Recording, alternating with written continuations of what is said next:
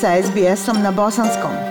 Pronađite još sjajnih priča na sbs.com.au kosacrta bosnijan. SBS. SBS. SBS. SBS. SBS. SBS. SBS Radio. SBS radio na bosanskom jeziku. Ja sam Aisha Hadži Ahmetović. Grčki alfabet ponovo ima svoje trenutke slave. Od alfe do omikrona.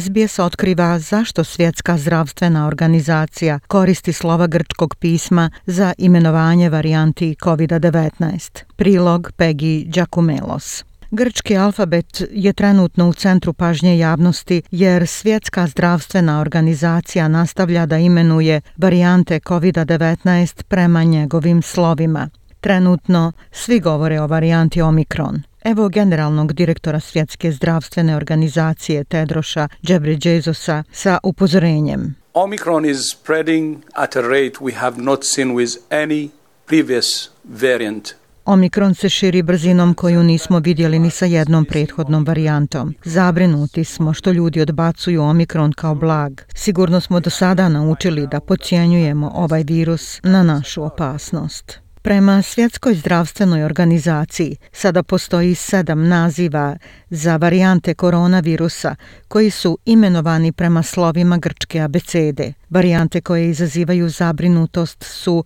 alfa, beta, gamma, delta i omikron, dok su nazivi za moguće buduće varijante lambda i mi. Profesor antičke historije Ian Botington kaže da postoje dva razloga zašto je Svjetska zdravstvena organizacija odlučila da koristi grčku abecedu za imenovanje novih varijanti. First of all, there's the tradition of using Greek letters in, in math and science throughout the ages.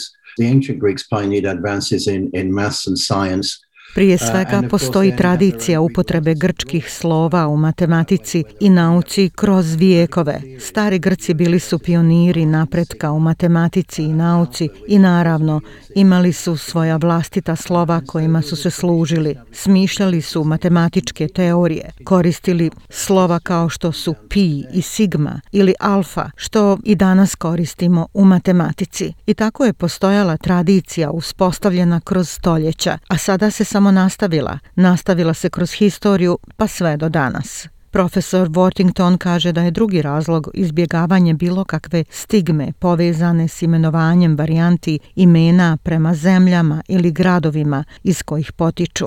I mean, if you can imagine everybody suddenly talking about the uh, about COVID China or COVID Brazil or COVID Uh, Mislim, um, ako možete zamisliti da svi odjednom pričaju o covidu Kini ili covidu Brazilu ili covidu bilo gdje, ne možete, a da automatski ne mislite loše o tom određenom mjestu, toj određenoj zemlji. Dakle, koristeći grčka slova, to je neka vrsta anestezije tamo gdje su se razvile varijante covida. I također nastavlja se sa naučnom i matematičkom tradicijom. Također je puno lakše.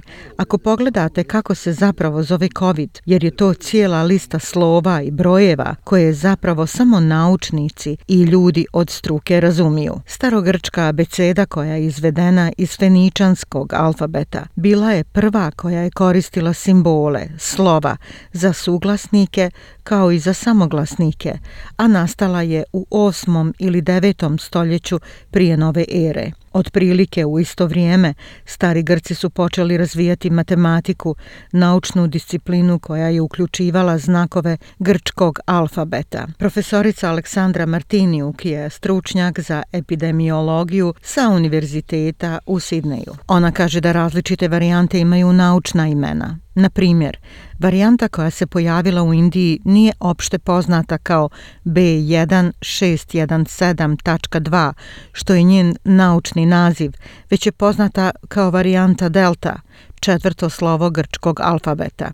Profesorica Martinuk kaže da su zbog jasne komunikacije globalne zdravstvene službe morale usvojiti jednostavan i jedinstven sistem imenovanja. It's, it's hard for the public to communicate using those more complex scientific names.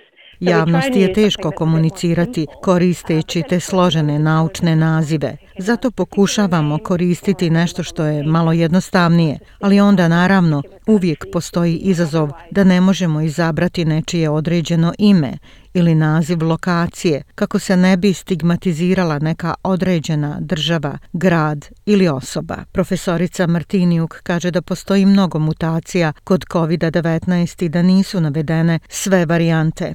Ona kaže da ako bismo pokušali da ih sve imenujemo, vrlo brzo bismo ostali bez slova. Zbog toga Svjetska zdravstvena organizacija daje grčka slova samo varijantama od šireg interesa i onima koji nas posebno zanimaju. To su varijante koje imaju povećan potencijal za prenosivost, povećanu ozbiljnost ili mogućnost da napadnu imunološki sistem, što znači da vakcine također neće djelovati na njih. Što se tiče zašto se neka slova koriste, a druga ne, profesorica Martinjuk kaže da je jedan od razloga da se izbjegne bilo kakva zabuna. So some of them, so the XI or C, I think it's how it's pronounced.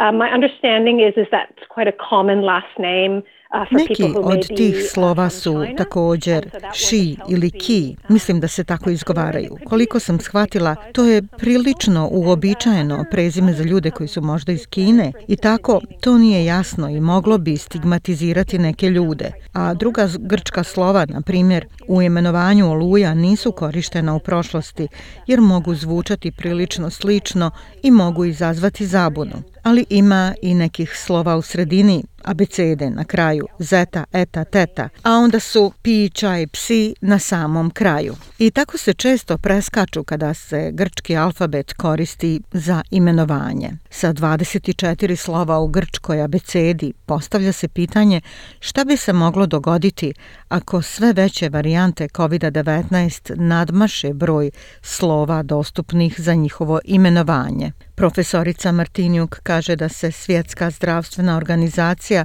prvobitno bavila idejom da koristi imena drevnih grčkih bogova i boginja za imenovanje varijanti, ali odbacili su ideju nakon što su shvatili da bi imena kao što su Zeus, Poseidon, Artemida, Atena ili Afrodita bila potencijalno previše zbunjujuća i preteška za izgovor. What do we do when the Greek letters, um, the Greek alphabet runs out uh, and I understand the WHO is thinking uh, Šta raditi kad ponestane grčkih uh, slova, grčkog alfabeta? A ja razumijem da svjetska zdravstvena organizacija razmišlja i gleda prema imenima zvijezda jer misle da će biti pogodna dobra druga lista, da tako kažem, ali neka se neće moći koristiti, na primjer sazvježđe raka, što bi očigledno izazvalo veliku zabunu.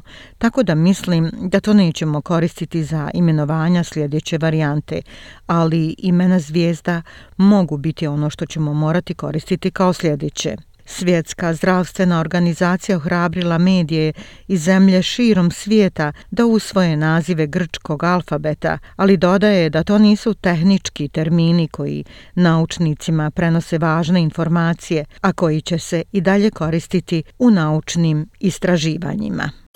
SBS SBS SBS SBS SBS SBS SBS Radio. Like, share, comment Pratite SBS Bosnian na Facebooku.